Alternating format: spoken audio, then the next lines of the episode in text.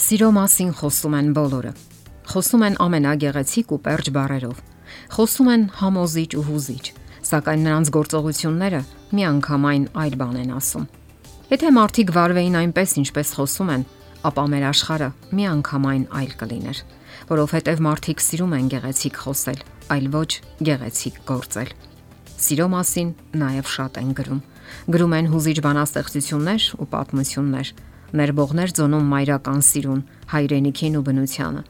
Գրում են ամբողջ գրքեր ու հատորներ, ձոնում են երիտասարդական սիրուն, կրկոտ եւ որպես թե ամենակուլ։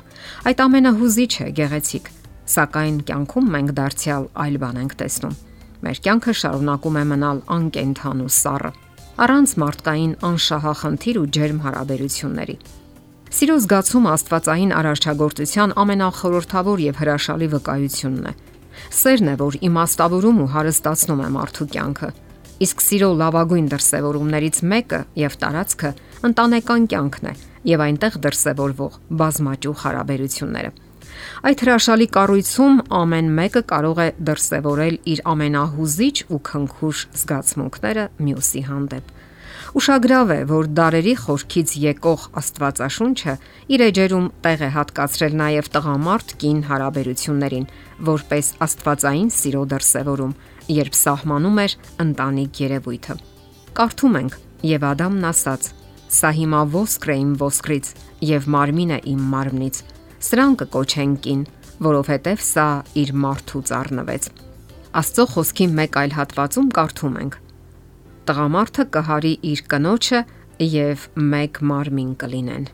Ինչ է ենթադրում այս միությունը։ Ամուսնական միությունը կամ ուխտը ենթադրում է սիրո, զգացմունքների եւ մեկ մարմին լինելու ընդհանրություն։ Աստվածաշնչի էջերում բազմաթիվ գեղեցիկ պատմություններ կան ընտանիքի, սիրո եւ զգացմունքների կարեւորության մասին։ Մարդկային ընտանիքի առաջին սիրո պատմությունը վերաբերում է Ադամին ու Եվային։ Նրանք անկասկած շատ են սիրել իրար։ Դա մարդկային պատմության առաջին ընտանիքի սիրո շարադրանքն է։ Մենք իհարկե չգիտենք մանրամասներն այն բանի,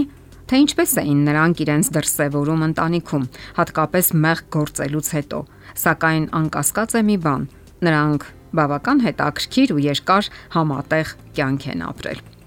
Ինչ եք կարծում։ Ինչ զգաց Ադամը, երբ հանկարծ տեսավ իր կյանքում առաջին կնոջը։ Նա անկասկած խոր հուզմուն կապրեց։ Շատ գեղեցիկ էր Եվան։ Նա կատարյալ էր այնքան, ինչքան կատարյալ կարող էր լինել Աստծո արարած էակը։ Եվ նա դառնալու էր մարդկության նախածնողը։ Ադամն անկասկած հիացավ Եվայի գեղեցկությամբ եւ հուզված բացականչեց. Սա հիմա ոսկր է իմ ոսկրից եւ մարմին է իմ մարմնից ապա դրան հետևեց առաջին ամուսնական զույգի առավել սերտ մերձության բացատրությունը եւ նրանք երկուսը մերկ էին Ադամը եւ իր կինը եւ չէին ամաչում Աստվածաշնչում մենք կարդում ենք նաև Աբ รา համի եւ Սառայի ուժեղ քնքուշ կապի մասին։ Չնայած կնոջ Սառայի անպտղությանը Աբ รา համը չի հրաժարվում նրանից, իսկ ծերության օրերին Աստված զավակ է ապարգևում նրանց։ Անցնում են տարիներ եւ ահա Սառան մահանում է 127 տարեկանում։ Աստվածաշունչը այսպես է վկայում Աբ รา համի սքի մասին։ Աբ รา համը եկավ, որ Սառայի համար սուք անի եւ ողփա։ Գիրքը չի հիշատակում, սակայն մենք կարող ենք պատկերացնել, թե ինչպես է Աբ รา համը հիշում իրենց համատեղ երջանիկ տարիների ողջ տարեգրությունը, համատեղ պայքարն ու ուրախությունները, սիրո երջանիկ պահերը։ Ահա թե ինչու էր սուքանում եւ ողբում հավատի այրը, երբ արդեն մոտենում էր կյանքի մայրամուտին։ Այս պատմություններով չի ավարտվում Աստվածաշնչյան ընտանիքների համատեղ կյանքի նկարագրությունները։ Հիշենք Իսահակի եւ Ռեբեկայի, Հակոբի ու Ռաքելի սիրո պատմությունները։ Երկերքոց գիրքը նույնպես նկարագրում է ամուսնական սիրո ողջ գեղեցկությունը ամենապերճ բառերով։ Սողոմոնը ներկայացնում է կնոջը ողջ մարմնական գեղեցկությամբ եւ որի միակ նպատակը ամուսնական ուխտն ու հավատարմությունն է, որի հիմքում ընկած է տղամարդու եւ կնոջ սերը։ Մեր աշխարհի պատմությունը լի է հավատարմության եւ մեծ սիրո լավագույն օրինակներով։ Այդ մասին գրքեր են գրվում, ֆիլմեր են նկարահանվում, եւ մեզանից յուրաքանչյուրը կարող է իր նպաստը բերել այդ ոլորտում։ դրսևորել սերը սեփական ընտանիքում։ Դա կարող է լինել ձեր ամուսինը կամ կինը, ով իր կյանքի բազում տարիներն է նվիրաբերել ձեզ։ Համատեղ վարել ընտանեկան բեռը, եւ դա լավագույն դասն է, որ կարող եք տալ ձեր երեխաներին։ Բազմաթիվ են այն ոլորտները, որտեղ կարելի է դրսևորել սերը։ Այսօր մեր օրերում իսկապես կարևոր է հասկանալ, թե ինչքան մեծ նշանակություն ունի այն մեր կյանքում։ Ոչ միայն զգացմունքային սերը, այլ գիտակցական սերը հենց մարդու հանդեպ,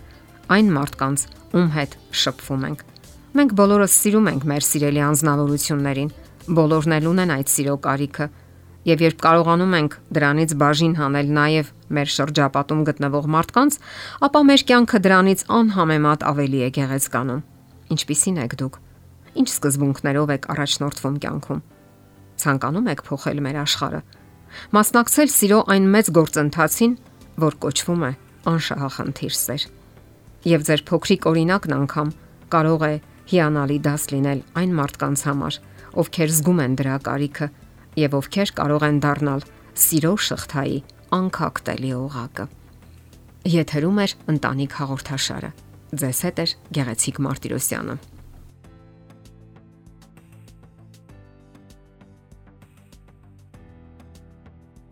Հարցերի եւ առաջարկությունների դեպքում զանգահարեք 041 08 20 93 հեռախոսահամարով։ Հետևեք մեզ hopmedia.am հասցեով։